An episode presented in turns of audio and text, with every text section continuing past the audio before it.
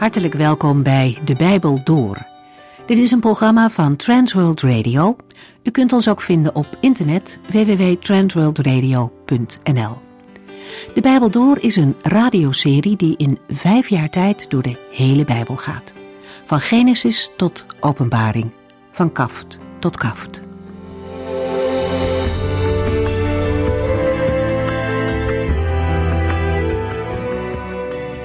Misschien wist u het al, ik zeg het voor alle zekerheid nog een keertje. U kunt deze serie ook via internet beluisteren en bestellen.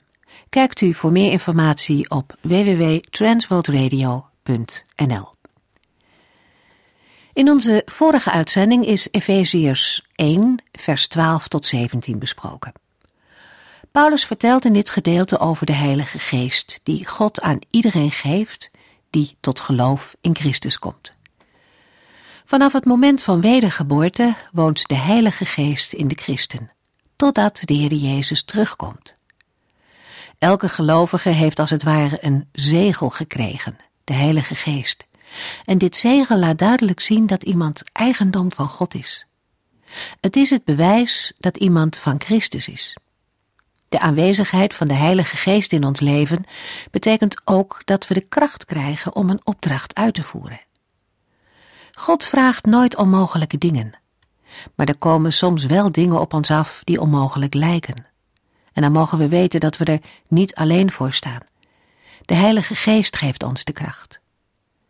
De Heilige Geest is ook een borg of een voorschot op de erfenis die ons te wachten staat in de hemel. En hoewel gelovigen al een deel van die erfenis hebben ontvangen, wacht de volledige erfenis toch nog.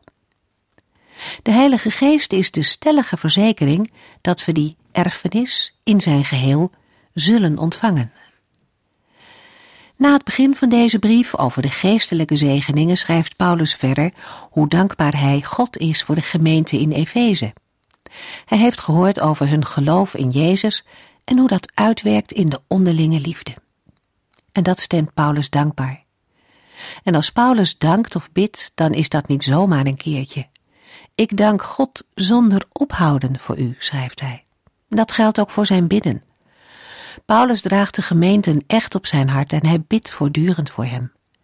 Zijn gebed is erop gericht dat mensen Jezus Christus door en door leren kennen, dat ze helder en duidelijk zullen zien wie Hij is.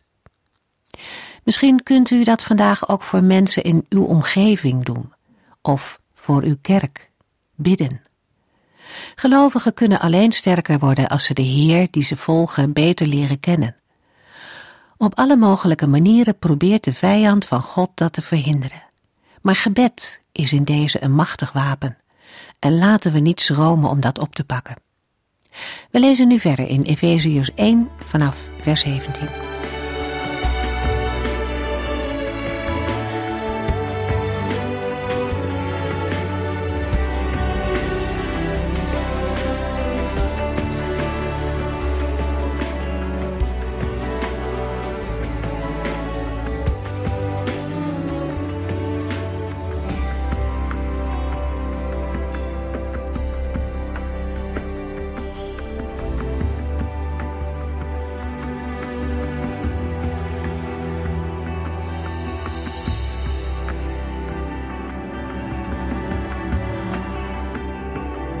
De vorige uitzending sloten we af met het lezen van Efeziërs 1, vers 17. De apostel dankt de Heere voor hetgeen hij heeft gehoord over het geloof en de liefde van de gelovigen in de stad Efeze. Paulus bidt om groei in de kennis van God en zicht op de rijke erfenis die hen wacht bij de wederkomst van Christus. De apostel schrijft in Efeziërs 1, vers 17: Ik vraag de God van onze Heer Jezus Christus de Vader die alle eer verdient, u wijsheid te geven, opdat u helder en duidelijk zult zien wie Christus is en Hem door en door zult kennen. Als Paulus in het voorgaande geschreven heeft over de gemeente als lichaam waarvan Christus het hoofd is, ziet hij in dat de gemeente, die de Heer heeft uitgekozen en waarvoor Christus met zijn leven en bloed betaalde, niet in staat zou zijn dit alles te begrijpen, tenzij de Heilige Geest van God het hen zou leren. Daarom bidt de apostel de woorden van vers 17. Ik vraag de God van onze Heer Jezus Christus u wijsheid te geven, opdat u helder en duidelijk zult zien wie Christus is en Hem door en door zult kennen. Luisteraar, alleen de Heilige Geest kan dit bewerken. Het is niet vanzelfsprekend dat een mens helder en duidelijk ziet wie Christus is. Het is ook niet vanzelfsprekend dat iemand die al jarenlang naar de kerk gaat, Jezus Christus als zijn of haar persoonlijke heiland en verlosser kent. Het is een zegen om van jongs af aan in de gemeente van Christus te mogen opgroeien. Maar ook een kerkmens moet wederom geboren worden. De heer Jezus zegt tegen Nicodemus, een fariseer en lid van de Hoge Raad, in Johannes 3: Luister goed, wie niet opnieuw geboren wordt, kan het koninkrijk van God niet ontdekken. Opnieuw geboren? vroeg Nicodemus. Hoe kan dat? Iemand kan toch niet voor de tweede keer uit zijn moeders lichaam geboren worden? Jezus antwoordde: Toch is het zoals ik zeg. Niemand kan het koninkrijk van God binnengaan als hij niet geboren wordt uit water en geest.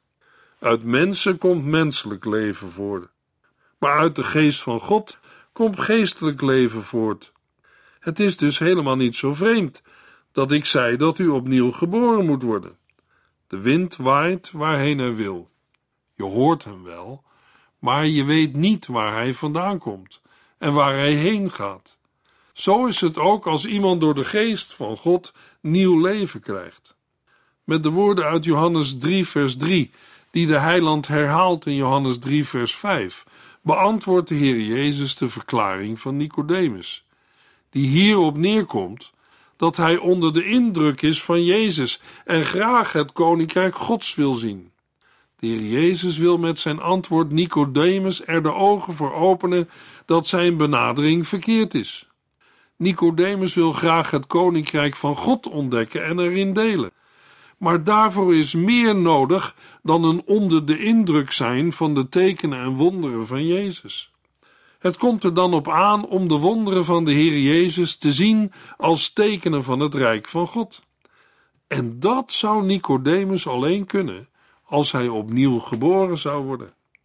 Over die uitdrukking, opnieuw geboren worden, is nogal wat te doen geweest. Het Griekse woord voor opnieuw kan ook van boven betekenen. Een argument voor de vertaling van boven vormt de inhoud van vers 31 en wat er staat in Johannes 1, vers 13. Niet dat er sprake is van een wezenlijk verschil. De Heer bedoelt in Johannes 3 een geboorte uit de geest. En daarop is zowel het van boven als het opnieuw van toepassing. Zo beantwoordde de Heer Jezus het tenzij van Nicodemus ook met een tenzij. Als God niet met Jezus zou zijn, kon hij nooit de wondertekenen doen die hij deed. Daartegenover stelt Jezus: wie niet opnieuw geboren wordt, kan het koninkrijk van God niet ontdekken. Wijsheid is vrucht van de Heilige Geest. Als de Heere die wijsheid niet geeft, zal een mens geen helder en duidelijk zicht krijgen op wie Christus is, en hem ook niet door en door leren kennen. In vorige uitzendingen hebben we gelezen en gezien dat gelovigen kunnen worstelen met de uitverkiezing. Met de uitdrukking opnieuw geboren worden is dat precies zo. Mogelijk kan het helpen als we ons afvragen wat wij zelf van onze eigen geboorte hebben gemerkt of ervaren. Ik denk dat onze ouders er zeker in het begin het meeste van hebben gemerkt, vooral onze moeders. Het is misschien lastig om aan te geven, maar het eerste wat wij van onze eigen geboorte ervaren is dat wij geboren zijn. We mogen leven, hebben een vader en een moeder en zijn opgegroeid in een gezin. In 1 Petrus 1, vers 23 lezen we over de wedergeboorte. U hebt een nieuw leven gekregen, niet door geboorte uit uw ouders, want aan dat leven komt een einde maar een nieuw leven door wedergeboorte uit God, die door de levende Christus zijn woord tot ons blijft spreken. Voor de lezers van de brief van de apostel Petrus is het wedergeboren zijn een gebeurtenis die in het verleden heeft plaatsgevonden. De passieve vorm van het Griekse werkwoord geeft aan dat deze verandering door de Here tot stand is gebracht. In vers 22 van 1 Petrus 1 wordt gesproken over een innerlijke zuivering die betrekking heeft op het oude leven zonder God. De wedergeboorte is de poort tot het nieuwe leven en is gericht op de toekomst. In 1 Petrus 1, vers 22 wordt ook gesproken over het gehoor geven aan de waarheid. Dit gehoor geven wijst op menselijke verantwoordelijkheid. Daarop is de wedergeboorte het geschenk van God. Deze wedergeboorte is menselijk gezien onmogelijk, maar door het woord van God, dat de gelovigen is verkondigd, kwamen zij tot nieuw leven en gingen zij behoren tot de nieuwe schepping in Christus. In 2 Korintiërs 5, vers 17 tot en met 21 lezen we daarover: Als u christen wordt, wordt u van binnen helemaal nieuw. U bent als het ware opnieuw door God geschapen. Er is een heel nieuw leven begonnen. Al dit nieuwe komt van God, die ons door Jezus Christus bij zichzelf heeft teruggebracht. Hij heeft ons opgedragen overal te vertellen dat iedereen het nu met God in orde kan maken. Door Christus herstelde God zijn relatie met de wereld. Hij rekende de mensen hun zonde niet meer toe, maar wiste ze uit. En we mogen dit geweldige nieuws aan iedereen vertellen. Wij zijn boodschappers van Christus. God doet door ons een beroep op u. Wij smeken u namens Christus. Laat het in orde komen tussen God en u. Want God nam Christus, die geen zonde gedaan had, en belastte hem met onze zonden. In ruil daarvoor rekent God de rechtvaardigheid van Christus aan ons toe. Het woord van God dat wordt verkondigd, is te vergelijken met de werking van zaad, dat weliswaar leven produceert, maar toch vergankelijk is. Het woord van God daarentegen is te vergelijken met zaad dat onvergankelijk is. Aan dat onvergankelijke leven hebben de gelovigen deel gekregen. Gods woord is levend en maakt levend. Dat wil zeggen, het is een scheppend en herscheppend woord, als ook een blijvend woord. Hoe komt de mens aan kennis en wijsheid om helder het woord van de Heere te kennen, te begrijpen en uit te leggen? Zeker, de Heere kan en wil daar een theologische opleiding en andere middelen voor gebruiken. Maar met alle respect, dat is geen garantie voor een betrouwbaar inzicht. Een bekende professor in de theologie getuigde: Ik ontving de kennis en het inzicht meer op mijn knieën op de vloer van mijn studeerkamer dan op een andere manier. Daar, met mijn open Bijbel voor me, knielde ik neer en vroeg de Heilige Geest om Christus aan mijn ziel te openbaren en het woord voor mijn hart en hoofd te openen. Prachtig, als de Heer u of jou de mogelijkheden van een opleiding geeft. Maar zonder de Heilige Geest snapt de mens Gods woord en bedoeling niet.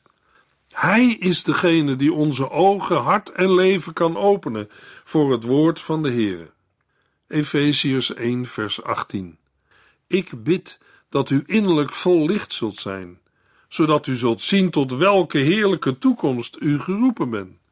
Dan zult u weten wat een geweldige rijkdom God voor al zijn kinderen heeft klaarliggen. De Heilige Geest verlicht het innerlijk, zowel het verstand als het hart, waardoor weerstanden worden overwonnen en gelovigen zich van harte richten op de Heere en zicht krijgen op zijn plan. De gemeente van Christus is een volk met een roeping. 1 Petrus 2 vers 9 U bent door God uitgekozen om koninklijke priesters te zijn. Mensen die voor God zijn afgezonderd om overal te vertellen hoe goed en groot Hij is, die u geroepen heeft om vanuit de duisternis naar zijn heerlijk licht te komen. Als volk met een roeping van God moeten de gelovigen weten wat haar hoopvolle toekomst is. De geweldige rijkdom van God is de hemelse erfenis. Als de Heere de ogen van de gelovigen verlicht, dan gaan zij zien tot welke heerlijke toekomst zij geroepen zijn. De verlichte ogen gaan open voor die rijke erfenis, waarin de gelovigen zullen delen. Wanneer zal dat gebeuren? Paulus schrijft het in zijn brief aan de gelovigen in Thessalonica. 2 Thessalonicense 1 vers 10 Dat zal gebeuren op de grote dag, waarop hij komt om geëerd te worden, te midden van hen die hem toebehoren, en bewonderd te worden te midden van hen die op hem vertrouwd hebben. En u zult daarbij zijn, omdat u hebt geloofd wat wij u over hem hebben verteld. In Matthäus 24, vers 36 vertelt Jezus aan zijn leerlingen: Maar wanneer dat allemaal zal gebeuren, op welke dag en welk uur, weet niemand. Ook de engelen in de hemel weten het niet, alleen de Vader weet het. In Matthäus 24, vers 37 zegt Jezus: Als ik de mensenzoon terugkom, zal het net zo zijn als in de tijd van Noach. In die tijd voor de grote vloed ging alles gewoon door. Men at, dronk en trouwde tot het moment dat Noach de ark inging. De mensen merkten niets tot de grote vloed kwam en hen alle wegnam. Als ik, de mensenzoon, kom, zal het net zo gaan. In vers 42 geeft Jezus instructie ter voorbereiding. Wees er dus altijd klaar voor, want je weet niet wanneer ik, jullie heren, kom. En in vers 44 tot en met 46, zo kunnen ook jullie moeilijkheden vermijden, door altijd klaar te zijn voor mijn onverwachte terugkeer als mensenzoon. Wie van jullie gedraagt zich als een trouwe en verstandige knecht? Als iemand die ervoor zorgt dat alle anderen in het huis op tijd te eten krijgen? Het is goed dat een knecht bij de thuiskomst van zijn meester met zijn werk bezig is. Zo'n knecht krijgt het beheer over al zijn bezittingen. Luisteraar, een goede voorbereiding op de wederkomst van Jezus Christus is bezig zijn met het werk van de Heer. We mogen weten dat de Heer ons tot een heerlijke toekomst heeft geroepen. Ook al weten wij nog niet precies hoe die heerlijke toekomst er precies zal uitzien. Eén ding is zeker: wij mogen weten dat de Heer een geweldige rijkdom voor zijn kinderen heeft klaarliggen. Efeziërs 1, vers 19. Ik bid dat u zult beseffen hoe ontzaglijk groot de kracht is die werkzaam is in ons die in Hem geloven. Verlicht de ogen van het hart of innerlijk licht heeft een gelovige ook nodig om te zien hoe alles overtreffend de kracht is die hij aanwendt ten behoeve van hen die geloven. Dat is de kracht waarmee de Heere Christus heeft opgewekt uit de doden. Die kracht werkt ook in de gelovigen, waardoor zij een nieuw leven ontvangen. Omdat vers 19 een tijdsbepaling mist, kunnen we ook denken aan de toekomstige lichamelijke opstanding van de gelovigen. Met het woordje ons schaart Paulus zich onder die gelovigen. Paulus gebruikt in vers 19 vier verschillende woorden die kracht betekenen. Daarmee brengt hij op overvloedige wijze de geweldige macht van God tot uitdrukking. Het eerste Griekse woord is dynamisch. Het is onmogelijk het betekenisveld van dynamisch met één of twee Nederlandse woorden te dekken. Maar uitgaande van het Nederlandse woord kracht kunnen wel veel aspecten die het Griekse woord wel en het Nederlandse woord niet bezit, worden aangegeven. Wanneer een Griek het had over de dynamis van iets of iemand, bedoelde hij het vermogen, de kracht die iemand of iets in zich had om iets te doen. Direct moet hierbij bedacht worden dat deze kracht soms nogal concreet wordt voorgesteld. In dat licht worden ook bepaalde passages waarin het gaat over de kracht die van Jezus uitgaat, begrijpelijker. Bijvoorbeeld Lucas 8, vers 46, waar Jezus zegt: Iemand heeft mij aangeraakt, want ik heb kracht van mij voelen uitgaan. Wanneer er gesproken wordt over de kracht van een woord of klank, wordt er gedacht aan het vermogen van dat woord of die klank om een bepaalde boodschap of betekenis over te brengen. In bepaalde gevallen verschuift de betekenis naar wat er uiteindelijk door de kracht tot stand wordt gebracht, ook wel vertaald met wonderen doen. Het tweede woord voor kracht heeft verbinding met ons woord energie. Gewoonlijk geeft dit woord een werkzaamheid of activiteit aan die in iemand of in iets werkzaam is. Het verschil met het Nederlandse woord energie is dat ons woord voor energie eerder doet denken aan een concrete kracht dan aan een abstracte activiteit. Het derde Griekse woord voor kracht dat wordt gebruikt is kratos.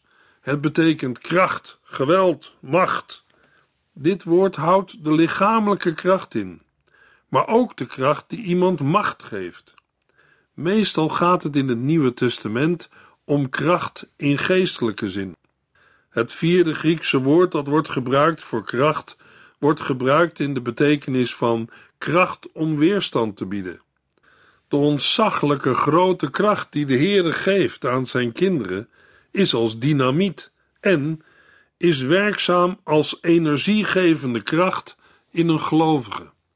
Efeze 1 vers 20 Door diezelfde grote kracht is Christus uit de dood teruggekomen om de belangrijkste plaats naast God in te nemen. De Heere heeft zijn overweldigende kracht gebruikt toen hij Christus uit de doden opwekte en zette aan zijn rechterhand. De werkwoordsvormen benadrukken Gods daden in het verleden, maar ook de blijvende betekenis van de opstanding in het heden. In Colossense 2 vers 12 lezen we: U bent door de doop met Christus begraven, maar door het geloof in de macht van God, die ook hem heeft opgewekt uit de dood, bent u nu met hem opgestaan en hebt u nieuw leven ontvangen. Petrus laat zien in 1 Petrus 1 vers 21 dat Gods daden in het verleden ook hoop geven voor de toekomst. Petrus schrijft: Daarom vertrouwen wij op God, die Christus uit de dood heeft laten opstaan en hem grote macht en majesteit heeft gegeven. Ons geloof en onze hoop zijn op God gevestigd. Het zitten van Christus aan de rechterhand van God betekent dat Christus de ereplaats heeft ingenomen naast de Vader en alles is aan hem onderworpen. In 1 Petrus 3 vers 22 lezen we: Christus is naar de hemel gegaan en zit nu aan de rechterhand van God. Alle engelen, heersers en machthebbers zijn aan hem onderworpen.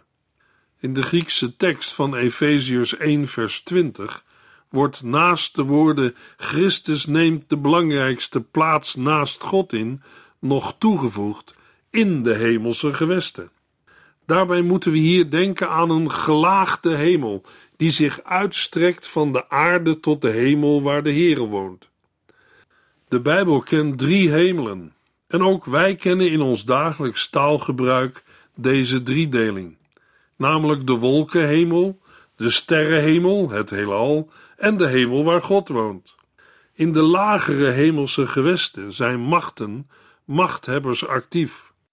Zij oefenen invloed uit op de aarde en werken met name de gelovigen vaak tegen. Maar Paulus wijst erop dat Christus gezeten is aan de rechterhand van de Vader. Hij is superieur aan deze machten en machthebbers.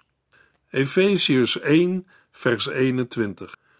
Nu is Hij hoog verheven boven elk gezag, elke macht, kracht en regering, boven alles waarvoor men respect heeft. Niet alleen in deze wereld, maar ook in de wereld die komt. Door de opwekking uit de doden en zijn verhoging troont Christus nu boven alles uit. Paulus noemt vier categorieën Daarbij moeten we denken aan geestelijke en bovenaardse machten of machthebbers. Ze worden aangeduid met bewoordingen waarmee in het Romeinse Rijk gezagdragers werden aangeduid.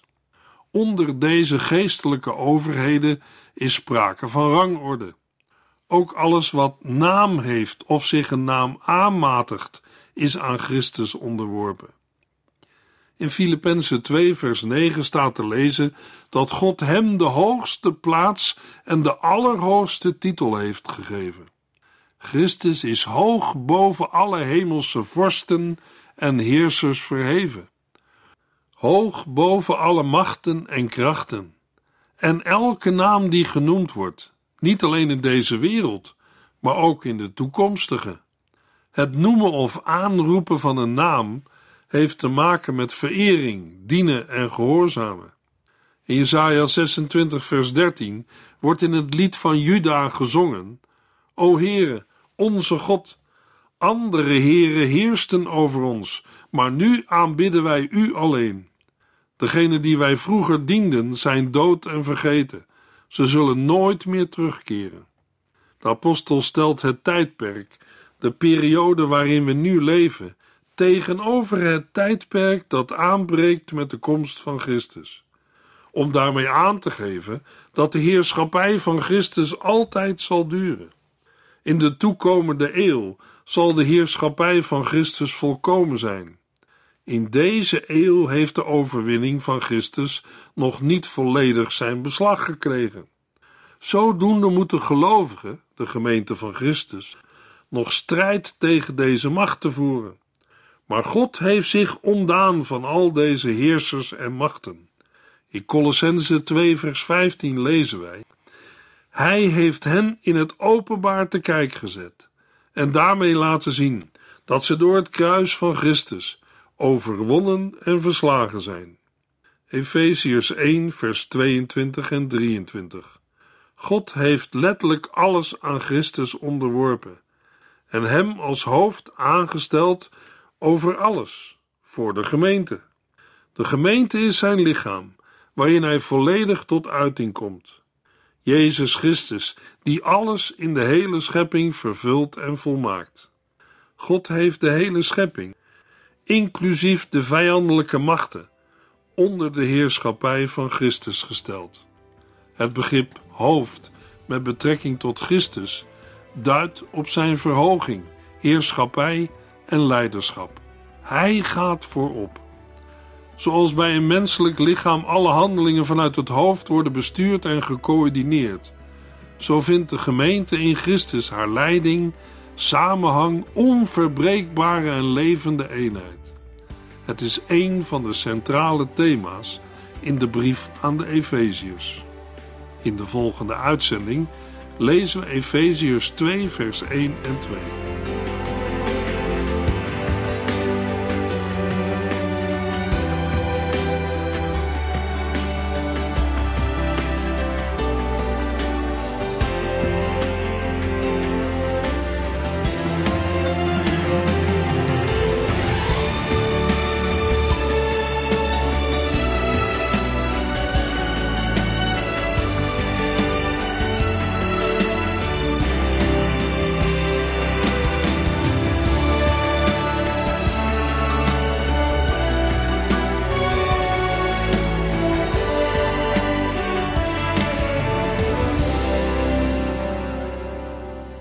Eindigt deze aflevering van De Bijbel Door. Een serie programma's van Transworld Radio. Wilt u ons iets vragen of meer weten? Dan kunt u altijd contact met ons opnemen. Bellen kan overdag met 0342 478432. Per post Transworld Radio. Postbus 371. Postcode 3770. Anton Johannes in Barneveld. En e-mailen kan ook. De Bijbel door at transworldradio.nl En natuurlijk ook via onze website transworldradio.nl Dit programma werd gepresenteerd door Cor Weda en Ike André. En namens iedereen die er nog meer aan meegewerkt heeft, graag tot de volgende keer.